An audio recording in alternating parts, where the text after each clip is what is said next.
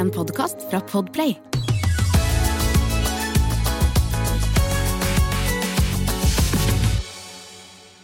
Oi, fuck, vi har begynt, ja. Fuck, vi har begynt! Velkommen. Fuck, Vi har begynt, ass! Fuck, vi har begynt. Velkommen til Fabodden. Fabodden, som jeg nå har. Nå er det hjertelig velkommen til Fabodden. Ja. Er du forkjøla, Mari? Ja, det er litt grann.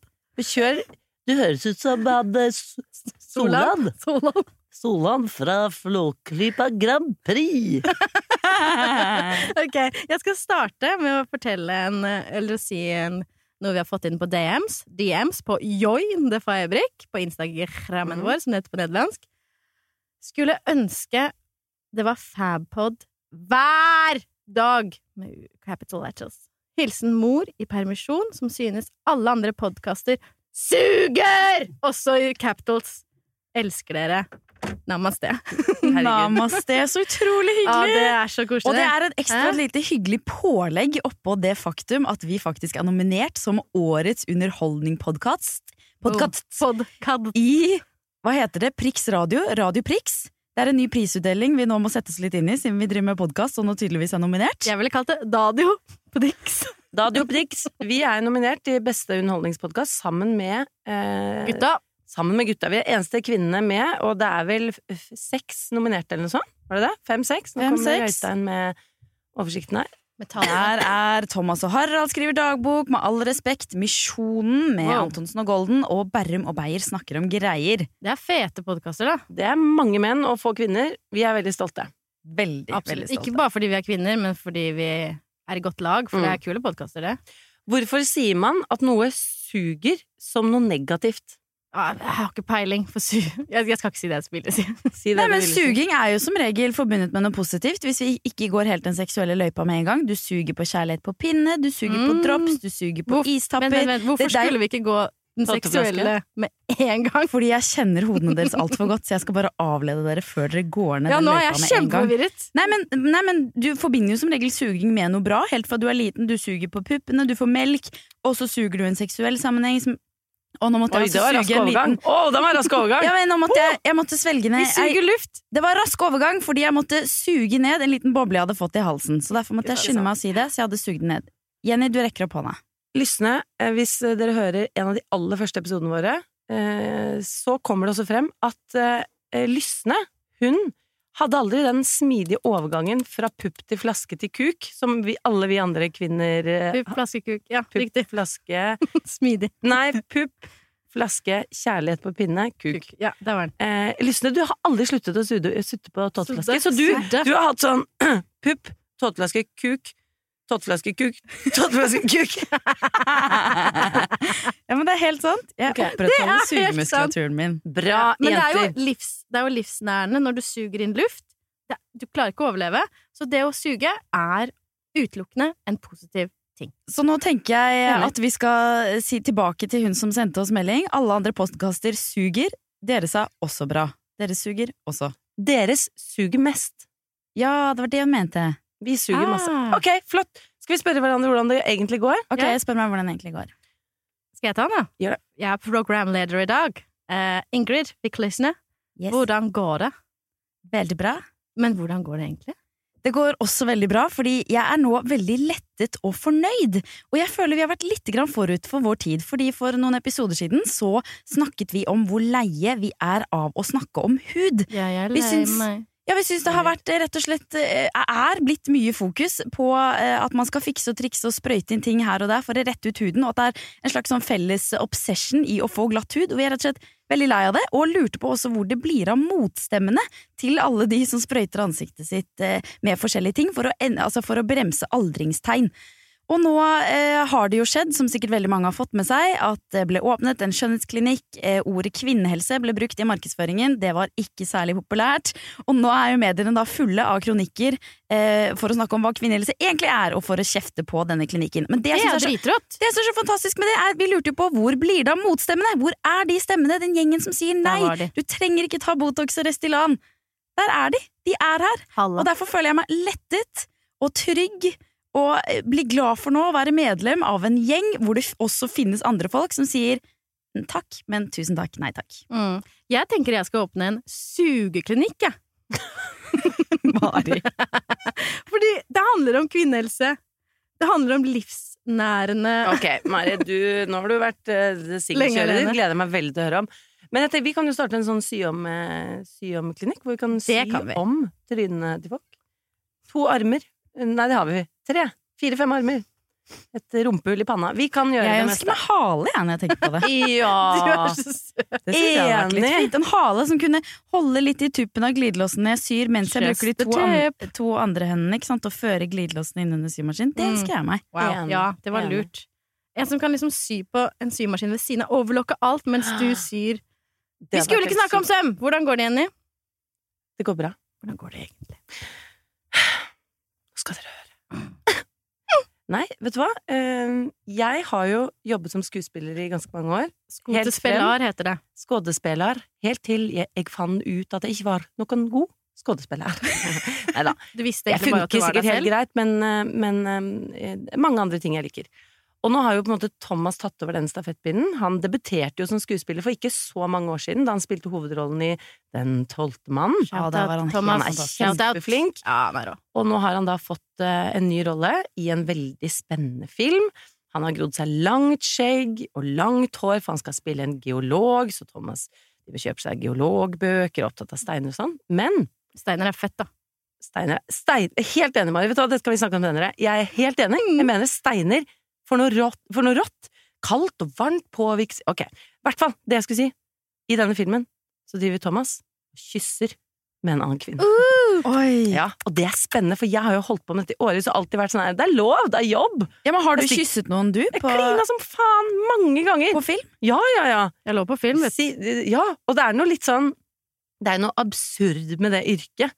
Det må jo være det eneste yrket i verden, bortsett fra hvis du er prostituert, hvor du kan si sånn Det er, det er ikke utroskap å kline og jokke og gnikke, sutte på patter. Du kan jo gjøre masse på jobben Sånn. så lenge Vise en person patterne. Så lenge en person med stillingsbeskrivelsen regissør sier 'vær så god' Mm. Hvis du gjør det før 'vær så god', da er det utroskap. Da kan Da du gå fra fyren. Utroskap og metoo. Absolutt! Oh. Hvis du gjør det etter 'vær så god', Det er så absurd! Det er veldig rart. Men jeg merket sånn, for det første er som jeg Thomas er en nydelig fyr, og han er myk og nydelig å kysse, så jeg kunne tenke sånn Heldig hund? jeg er jo ikke sjalu! Er. Og jeg hadde håpet jeg skulle være mer sjalu, men jeg, og så har jeg tenkt sånn Jeg har jo vært jævla fjern, og det er mye styr, så jeg tenkte sånn Koselig for Thomas. Men også så ble jeg sånn Ok, jeg må steppe opp litt, så jeg liksom gikk Stilte meg bakover og masserte han litt. Det var sånn Hvordan går det? Hvordan syns du det går på filmen? Så jeg skjerpet meg litt. Ja, man har litt godt Det av det der å kjenne på sånn Ja. Kjenne på sånn Ja, ok, nå er det noen andre som skal forsyne seg litt av godsaken her. Da må jeg også Jeg vil at han skal gå på jobb og tenke sånn Åh, hun er så fin, hun har jeg har hjemme, liksom. Mm. Men kjenner du, Er det litt sjalusi du kjenner på en måte da, eller? Nei. Nei, det bare minner meg på at At guy. eh, han er en eh, flott fyr som sikkert mange andre også Ikke det, de kysser ikke fordi hun syns han er flott, men jeg kan også bli sånn Ja, at eh, han skal dele litt på godene, og da, Ja. da vekker det, det vekker noe i meg. Skjønner. Så kanskje det er en god er god ting for forholdet, egentlig? Egentlig. Ja. Ja. Hvordan ville dere reagert? Hvordan du ville Å, reagert? ja, jeg klarer liksom ikke helt å Eh, sette meg inn i det. Nei, jeg tror jeg er nok litt mer sjalu der, tror jeg. jeg er- altså, ikke sånn der, jeg syns sjalusi er et veldig Det er ofte veldig negativt ladet begrep. Det er sånn, «Å, kjæresten din sjalu, sjalu, og liksom, sjalu. Eh, så tenker man det som noe veldig negativt.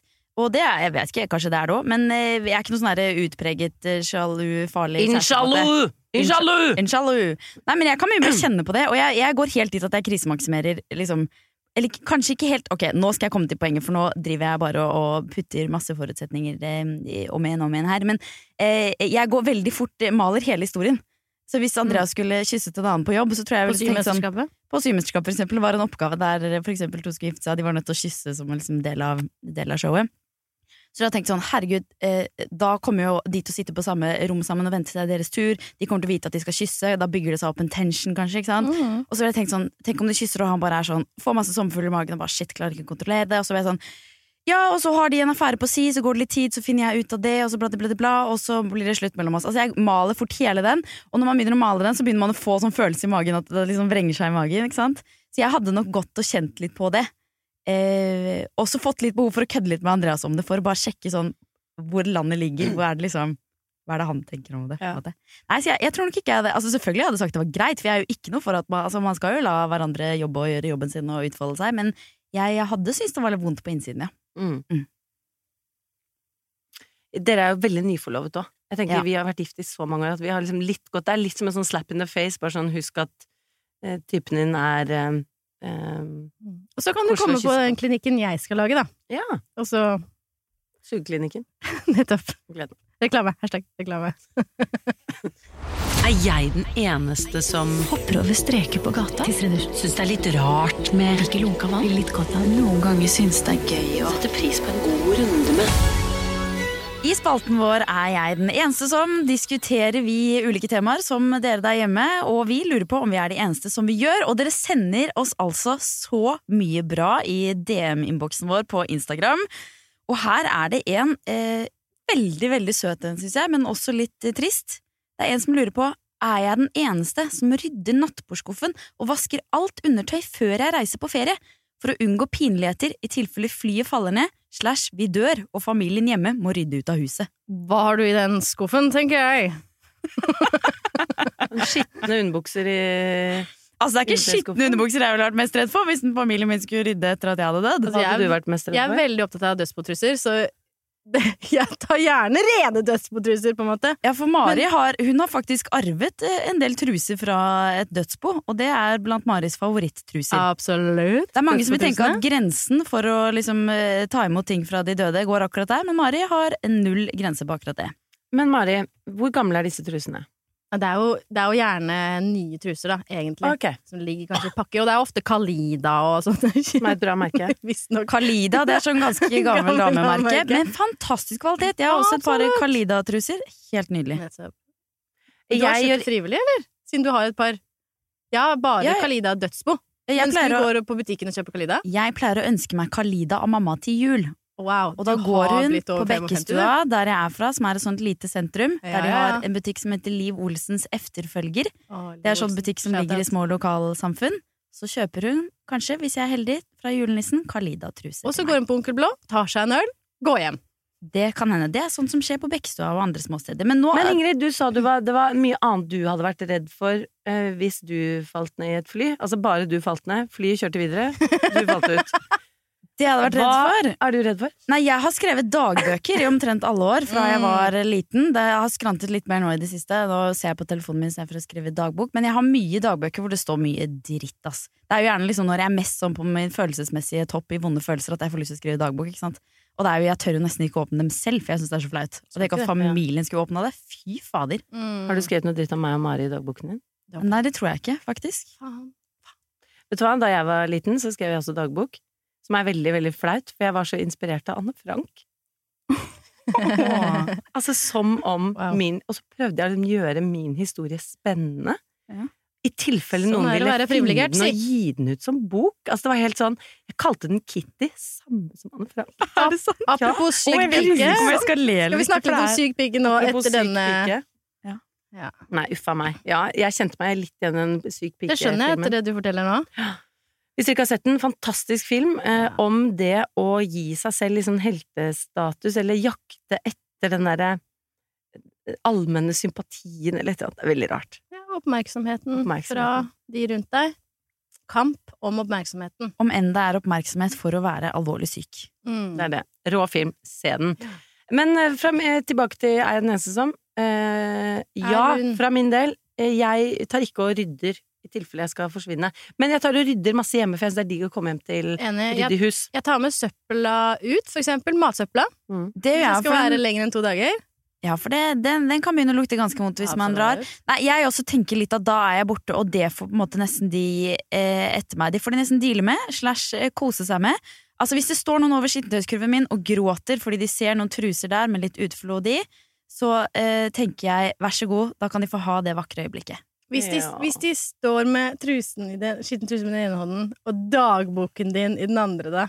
Da tenker jeg, da har de virkelig skjønt hvem jeg var. Oh, ja. Så nei, du er, ja, du er den eneste som i dette følget, reisefølget. I dette reisefølget. Apropos følge, jeg skal også levere en Er jeg den eneste som?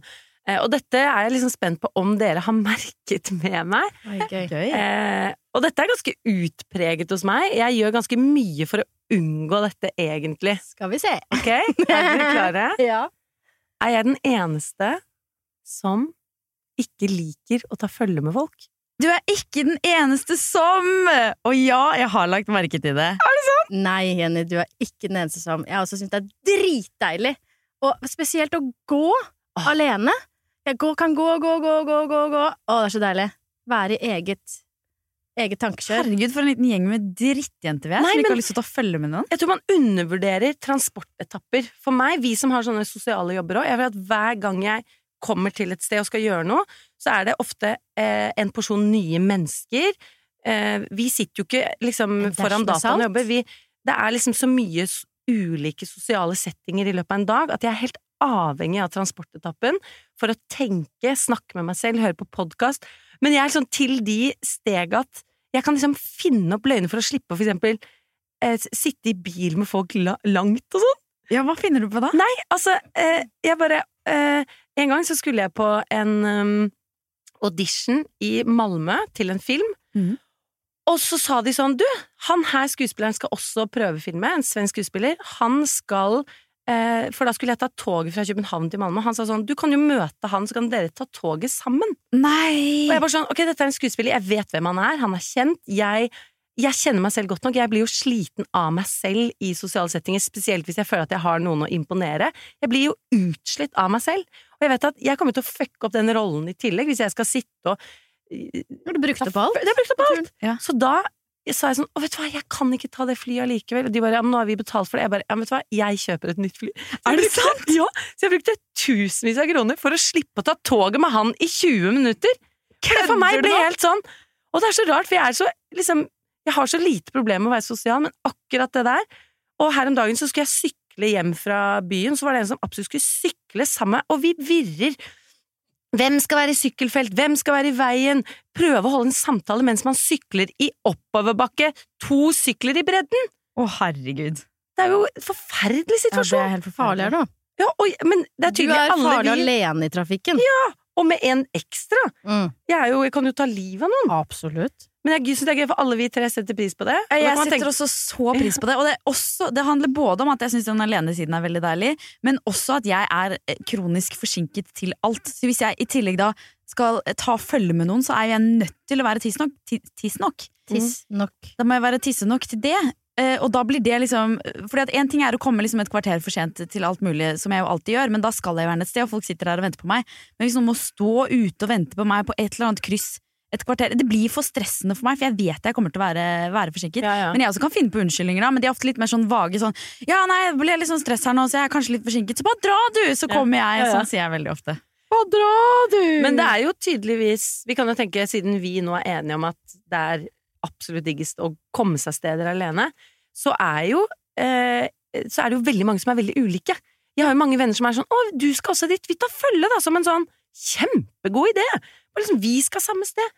Eller på, på hyggelig, Facebook. Ja. Og jeg skjønner det, fordi det er hyggelig, og da, det er jo gjerne nære venner du tar følge med til et sted dere begge skal. Begge kan få snakket sammen, bare dere, før dere kanskje møter andre mennesker. Man slipper også å dukke opp et sted alene. Eh, så hvis man på måte er litt sånn redd for å dukke opp et sted alene, og sånn, så, så skjønner jeg jo veldig godt at det kan være hyggelig. Ja.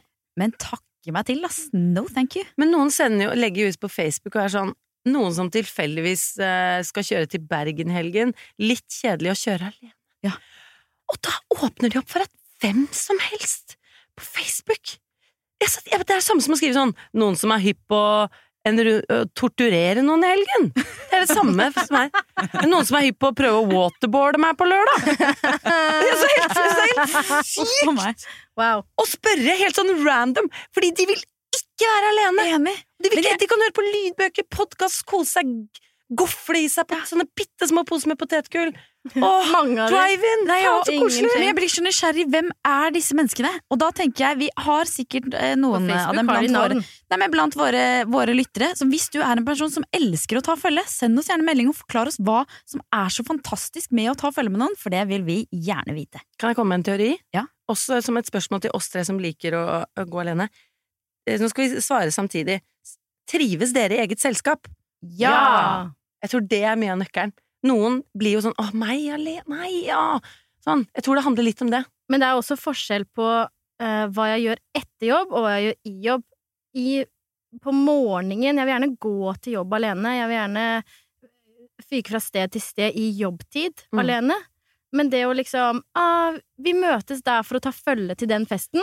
Det liker jeg bedre. Helt enig. Så det er litt forskjell på hva som skjer før og etter jobb. Litt forskjell, og synes jeg det er veldig forskjell hvor lenge man skal gjøre det. Fordi det verste synes jeg egentlig er, eh, er at det bare varer så lenge. Så en togtur på tre timer, og du kommer Ja, ja. ikke unna. Du har fått tildelt en plass, og hvis du blir lei av å prate, så bare ah. Og så har du planlagt å jobbe på togturen, og så er det sånn Ja, men der er jeg ganske, der er jeg ganske skamløs. Jeg er sånn, du kan vi bare være litt stille nå fordi jeg må jobbe, eller du kan vi bare være litt stille nå, jeg må bare slappe av litt. Ja. Fordi, fuck up. Hvis jeg skal fra angstbar til jeger, så er det ikke sånn at jeg finner på en grunn sånn at jeg kan gå alene. Da liker jeg å gå med folk.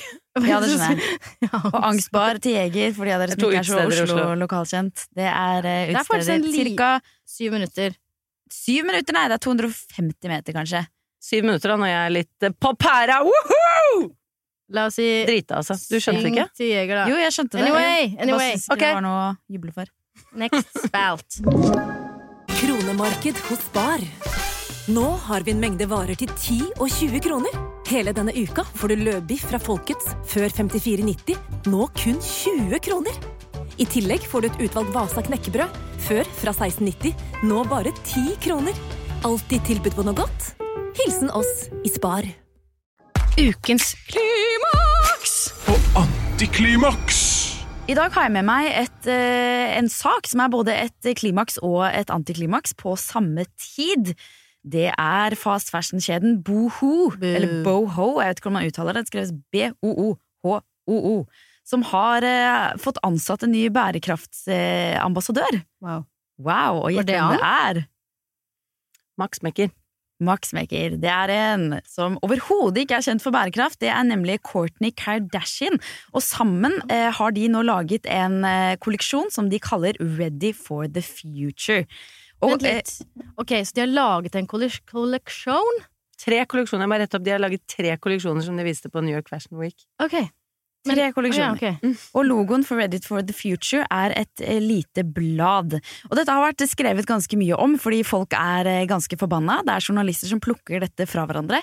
Fordi hva er det egentlig som er bærekraftig i denne Sustainable Collection Ready for the Future? Kjør. Og her eh, har jeg funnet fram et plagg i denne kolleksjonen som er da, jeg skal vise dere bildet av det og beskrive for lytterne, det er en gigantisk boblejakke i sølv. Det ser egentlig ut som en boblejakke av aluminiumsfolie med en del glidelåser og sånn som gjør at du kan, du kan på en måte, eh, hva skal jeg si, sippe deg til ulike versjoner av denne jakken. Den kan sippes av så den blir kort, eh, ja, så du på en måte får flere designs av flere designs i én jakke. Og Som liksom skal bety at du skal ha den lenger, fordi da blir du ikke lei av den.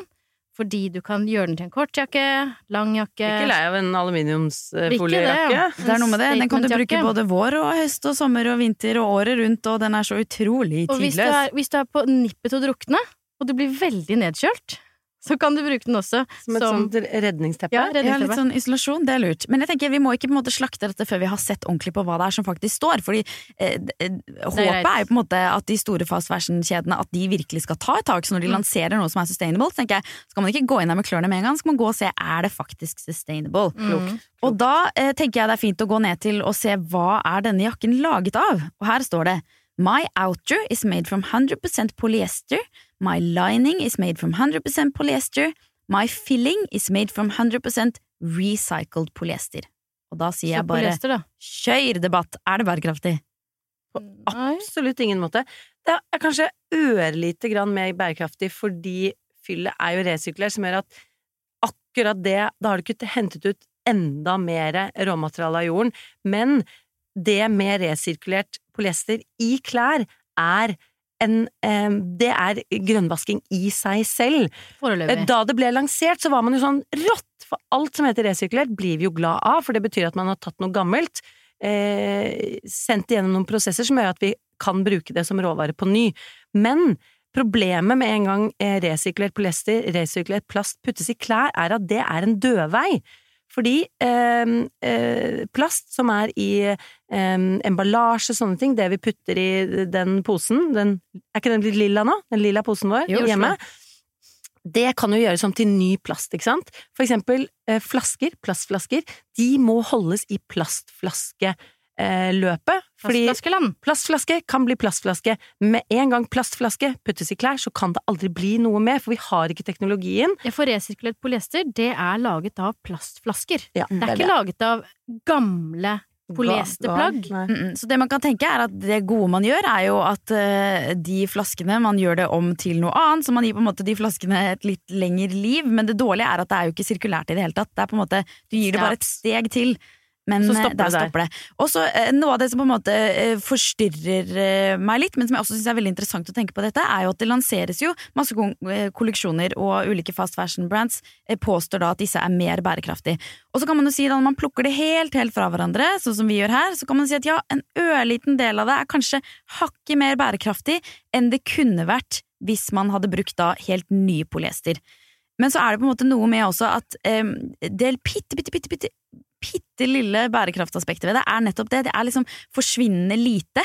Og så, det, eh, og så spørs det på en måte alltid hva man sammenligner med. For er det bærekraftig sammenlignet med å bruke bare 100% ny polyester, så kan man si ja, kanskje ørlite grann mer bærekraftig. Men er det bærekraftig sammenlignet med å skulle tenke på en måte sirkulært hva som skal skje med dette plagget i ettertid, hvordan disse eh, materialene som puttet ned i plagget skal kunne brukes igjen, så er det jo ikke bærekraftig i det hele tatt. Og det syns jeg er både eh, det er på en måte Noe av det mest irriterende synes jeg, med grønnvaskingen, er at eh, mange fast fashion brands har jo helt rett når de sier at ja, det er bedre, men så er på en måte det lille bedre der, det er så ørlite at det plager meg at de da på en måte stjeler eh, og bruker de samme ordene da, som de som faktisk Mm. prøver å gjøre noe ordentlig bærekraftig, bruker. Og så tar de jo ikke med hele bildet i beregningen.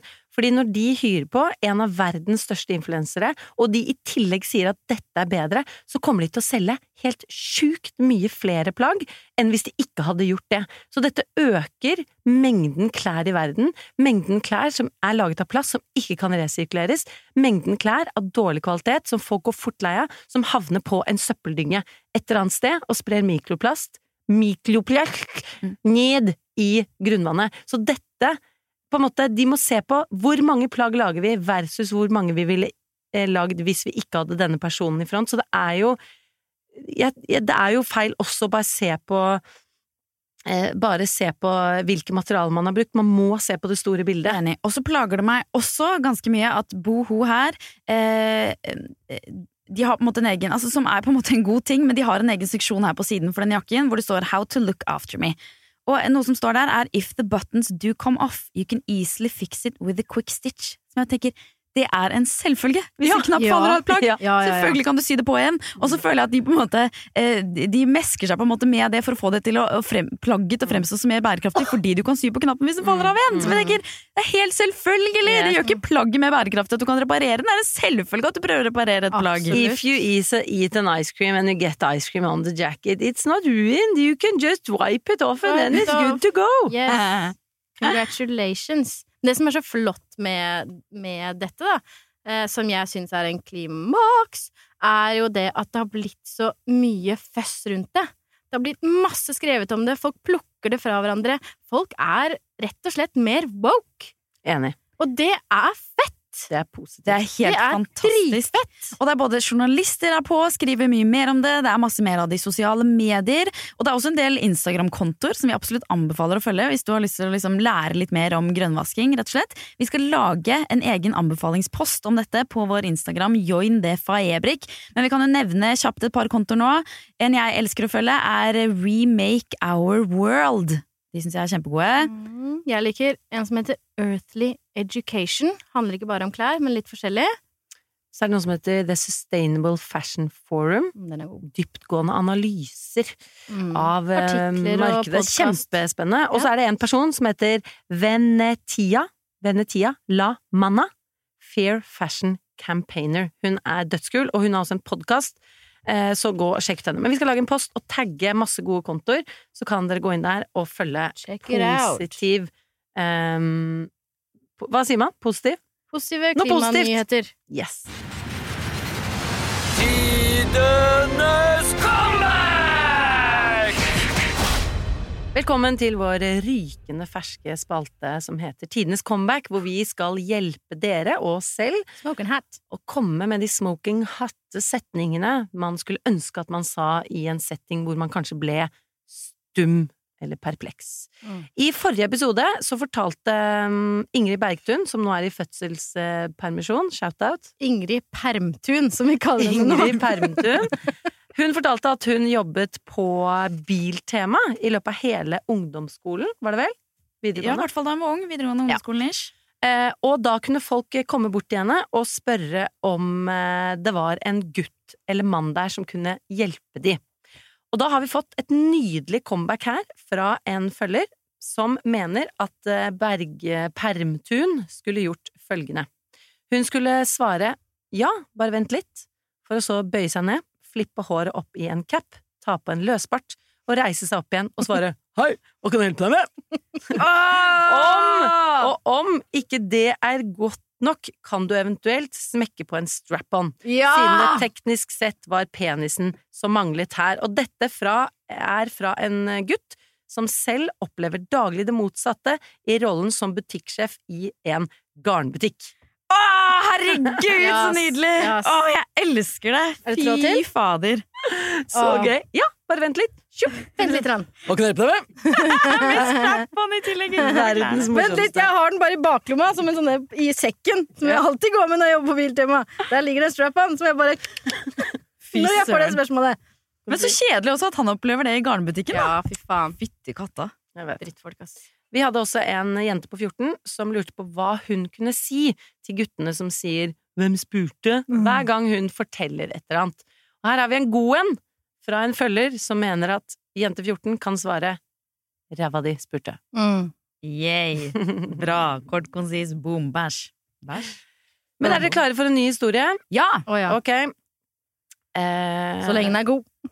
Dette er en jente som skriver inn til oss. Jeg var bestevenn med en jente hele barne- og ungdomsskolen. I tiende klasse ble jeg fryst ut av henne og resten av jentegjengen, og vi snakket derfor ikke sammen selv om vi også gikk på samme videregående skole. Jeg ble helt heartbroken, men bestemte meg etter hvert for å være the bigger person.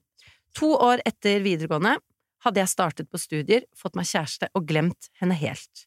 Tilfeldigvis møter jeg denne jenta på festival. Det var så random at jeg tenkte jeg fikk hilse på henne. Idet vi gir hverandre en klem, hvisker hun meg i øret. Kjæresten din ligner på faren din. Jeg ble så satt ut at jeg ikke klarte å Stakkars. Herregud, så det- fælt! Det Stopp å si. Vent, jeg er ikke ferdig. Okay. Jeg ble så satt ut at jeg ikke klarte å si noe, så jeg sto der i to sekunder før jeg bare sa uh, ha det, og bare gikk. Hva skulle jeg svart? Wow! Åh, shit! Oi, oi, oi. Fy fader, for et ræva Ja. menneske å gjøre noe sånt. Jeg tenker sånn? Kan du si det en gang til? Kjæresten din, Kjæresten din ligner på faren din. men han er bedre å ligge med.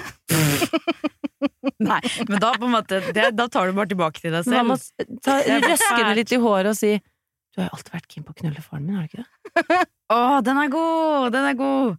Jeg tror jeg bare ville på en måte gjort henne veldig ukomfortabel. Jeg tror, altså Hvis de først gir en klem, og har sagt det, så hadde jeg bare holdt klemmen. Og holdt og holdt. Og du vet når du kjenner liksom sånn at den andre innser på at nå slipper vi, Mm. så ville jeg bare ikke tatt imot det innset. Jeg ville bare Hold mer. holdt og holdt og holdt. Hun merker at hun blir sånn ja, he, he, he. Og så tror jeg kanskje ville jeg sagt Ja, han ligner i hvert fall ikke på deg, ditt ræva menneske. Uh, uh. Ja, det går an å Og så hadde jeg sluppet, og så hadde jeg gått. Ok, jeg har en, jeg har en, jeg har en. Okay. Fordi i lomma så har jeg da en rull med bæsjeposer. Fordi du har en hund? For jeg har en hund. For øyeblikket har jeg to. Men i den, da hadde jeg tatt opp denne rullen, rulla den ut, tatt opp en bæsjepose, så hadde jeg sett den inn i øynene, så hadde jeg sagt Vet du hva? Den kommentaren der, den går i denne drittposen, for den var så stygg og ekkel! Og så lukker vi den, mens jeg ser henne inn, dypt inn i øynene, Og så sier vi Du, vet du hva? Jeg tror vi putter personligheten din også oppi den bæsjeposen, Ja. Det er Å, plass. den lukta! Åh, den lukta! Den må vi lukke med en gang! Åh, og så går den i søpla! Å, det hadde vært helt rått. Det hadde vært episk! Altså Gjøre det sånn teatralsk, liksom. Putte på et show. Ja. Rått. Men, men tenk da, hun venninna hun, kan, Det kan jo hende at fordi hun kom jo med en kjempestygg Kanskje hun har tenkt på hva hun skulle si hvis hun møtte den venninna. Kanskje dette var hennes comeback? Men Hva har hun å comebacke på? Hun har jo frøset ut venninna si. Ja, men kanskje hun, var, kanskje hun ikke var så klar over det, da, og ikke helt har skjønt De har jo ikke snakket sammen, for det var jo et det var jo is. Man Ja. snakker jo ikke når det er is. Nei. It's ice, ice cold. Eh, og det hun har tenkt på som et comeback, var eh, Kjæresten din ringer på faren din, da. At hun egentlig bare har dårlig hennes. samvittighet og vet ikke hva hun skal si. Det var hennes comeback. Ja, det var ikke så veldig bra comeback. så. Nei, det var kjempedårlig, men våre comebacks, de var gode! Men jeg tror eh, det der for å eh, forhindre at man ender i en situasjon sånn som det, som man tenker på i årevis etterpå Man tenker jo at comeback skal komme i det sekundet, liksom. Men hvis du reagerer skikkelig på noe noen sier, så burde man liksom stoppe opp og si sånn Unnskyld, hva sa du? Ja, så får man litt tid til å tenke selv, Ja. og så må den personen reflektere over det de sa. Uh, eh, typen, ligner på, uh, typen ligner på faren din. Heller bare gi seg selv det rommet og si sånn Unnskyld meg, hva var det du sa?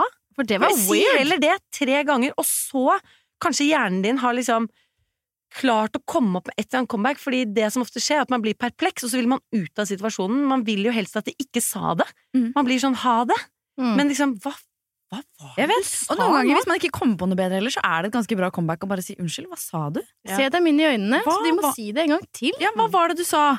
Og så kanskje gjentar de det, eller bare Og så bare har du sagt det et par ganger, så kan du egentlig bare stirre personen i øynene og så gå, på en måte. Så er jo det et bra comeback Og så kan du si sånn Vet du hva, jeg ble utrolig såra når du sa det til meg. Og så liksom sånn Jeg savner deg.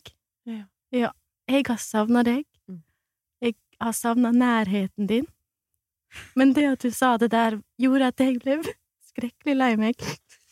Det synes jeg var kjempebra. Da tror jeg du setter ut noe. Så bytt dialekt, da, som Maris Eh, Lat som du er eh, Sissel Gran. Eller Katrin Ja, stemmer, du Sissel Gran nå. Ja. Eh, Men vi vil eh, Vi elsker at dere sender oss deres forslag på comeback. Så hva mener du at hun skulle sagt til jenta som kommer og hvisker Kjæresten din ligner på faren din. Og hvis du har noen situasjoner du selv har vært i, der du ble helt uh, satt ut og ikke klarte å svare det du burde svart, send til oss, så vi kan prøve å gi deg tidenes comeback. Yay or nay? Vi skal dra fram den gode gamle yay or nay. Eh, og Lysnus, du har noen uh, yay or nays i dag? Jeg har noen yay or nays i dag. Eh, Det er en ting vi har diskutert bitte litt på kontoret, og så måtte vi stoppe oss selv og si vi tar det i poden, dette er for bra. Eh, fordi det har eh, jo vært nå ganske mange år eh, trendy med såkalte mom jeans. Jeans som er ganske høye i livet. Eh, Still love that. yeah. Ja. Still love it. Men så har det kommet inn eh, litt fra siden, eh, særlig blant de som er litt yngre enn oss, kanskje ca. rundt eh, 20 år. Christina Aguilera har sneket seg tilbake. Christina Aguilera har sneket seg tilbake med sine lavtlivsbukser. Min favoritt-Christina Aguilera-bukse er den med sånn snøring oh, midt foran, oh. som det ser ut som du har kjønnshår. Og den er liksom så lav at du, du ikke trenger å barbere deg, fordi det bare går i ett. Det er helt fantastisk. Det er helt Den fantastisk. Men hva, hva er deres forhold til lavtlivsbukser? Altså, ja, særlig da typ jeans da, som henger veldig, veldig lavt på hoften. Jeg har jo aldri vært size zero, så jeg kan ikke Jeg kan ikke si at jeg har så gode eh, tanker Men nå skal jeg være skikkelig kroppspositivistisk. Hva har det med hverandre å gjøre?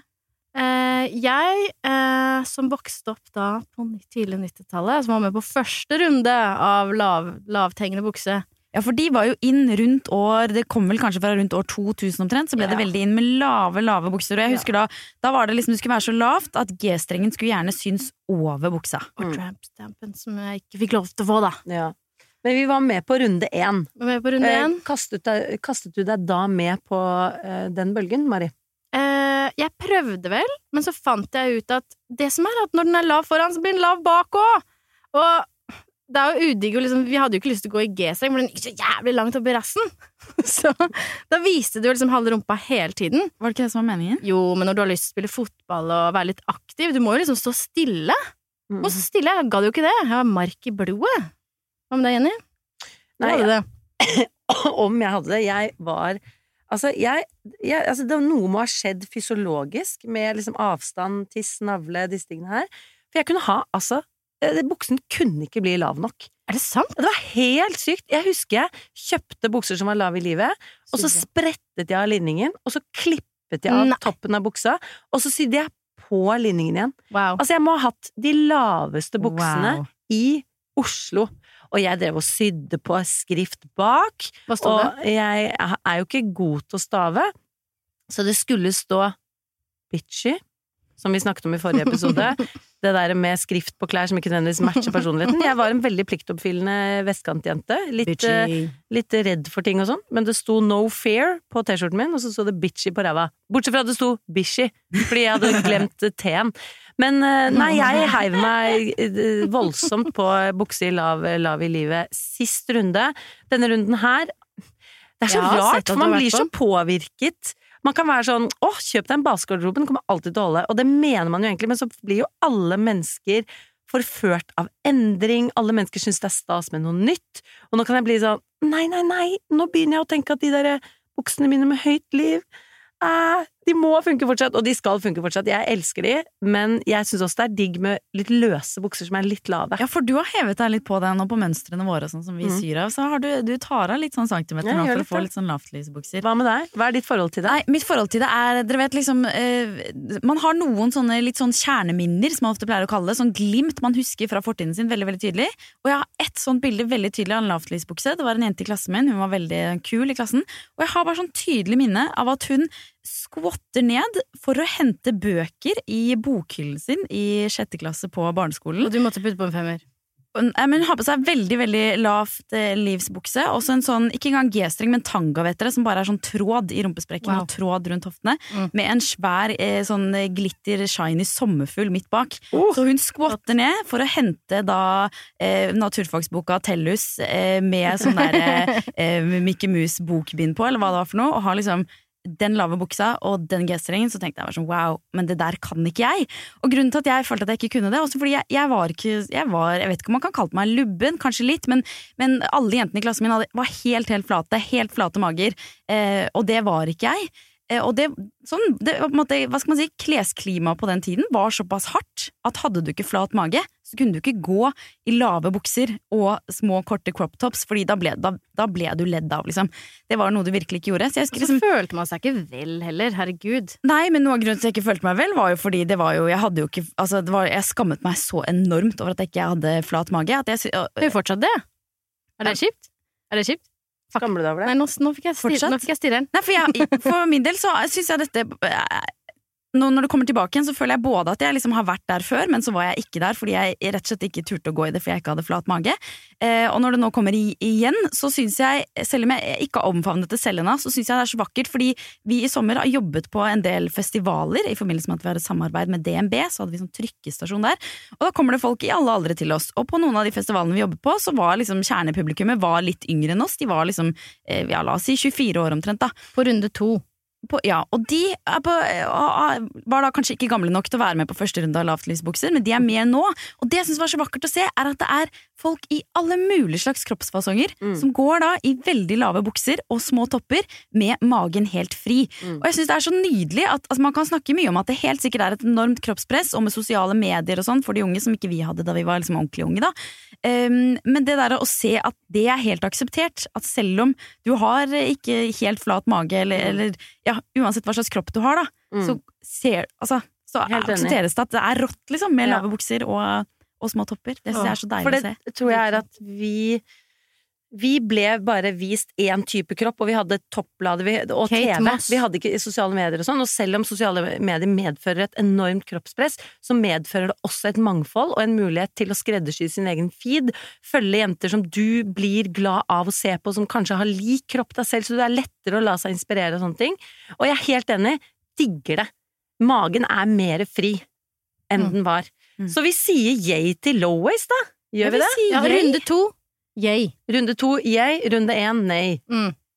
Og så, Ingrid, du har en personlig nei. Jeg har en er personlig nei. Jeg har en ganske kontroversiell personlig nei. Oh! dette er et, et eh, nonne.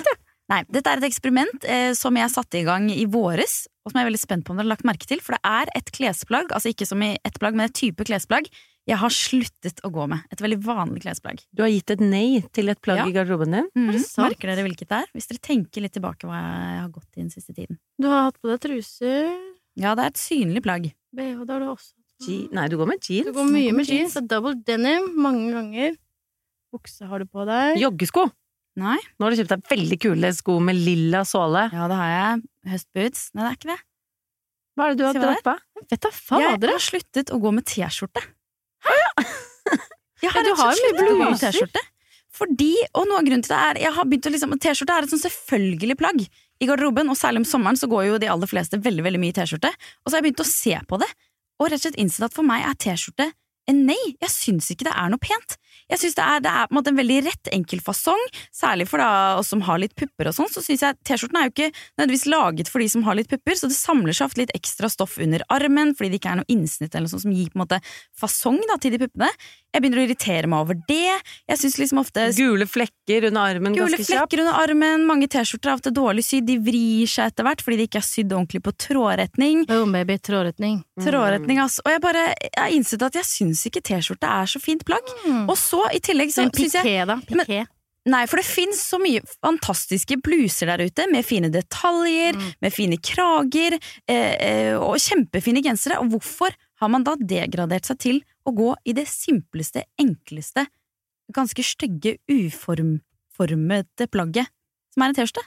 Jeg, jeg elsker det. Jeg jeg også det er hatt på meg T-skjorte i dag. Men, eh, Nei, ikke, nei, nå skal jeg si at jeg elsker det du har gjort. Mm. For jeg føler at det er så mange ting vi som samfunn bare har akseptert. Sånn, T-skjorte er en, en must-have i garderoben. Det er en base. Og da er alle bare sånn Ja, T-skjorte er en must-have. Det er jo ikke nødvendigvis det.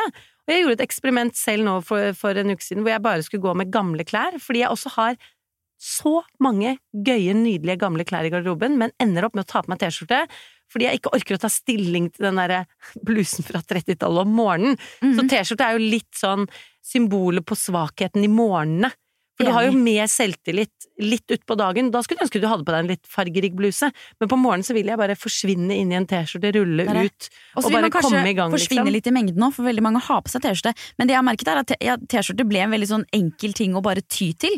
Men så finnes det jo så mye finere ting å kle på seg, så jeg tenkte at hvis jeg slutter å gå med T-skjorte, så kanskje jeg kommer til å steppe opp gamet litt i å ha på meg fine ting. For da må jeg Spennende. tenke litt mer og bruke de plaggene som er liksom finere enn T-skjorta, da. Har du fysisk fjernet T-skjortene dine, eller ligger de på um, brakk? Du, det, det, det startet på, på et tidspunkt hvor jeg hadde veldig mye T-skjorte med veldig gule flekker under armene, blitt veldig skeive, litt hullete, litt flekker jeg ikke fikk av, og var litt sånn må jeg bytte ut T-skjorteparken nå? Så tenkte jeg nei, jeg tror jeg skal slutte å gå med T-skjorte. Du faser har- de ut. Jeg faser dem ut, så jeg har én hvit T-skjorte igjen i skapet som jeg syns er litt grei og kjekk når man liksom bare skal ha på seg noe praktisk.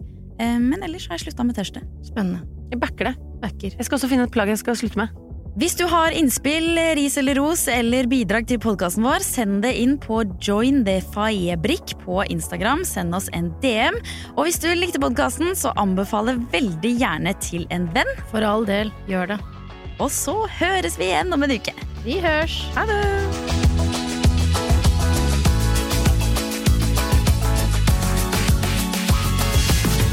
Du har hørt en podkast fra Podplay. En enklere måte å høre podkast på. Last ned appen Podplay, eller se podplay.no.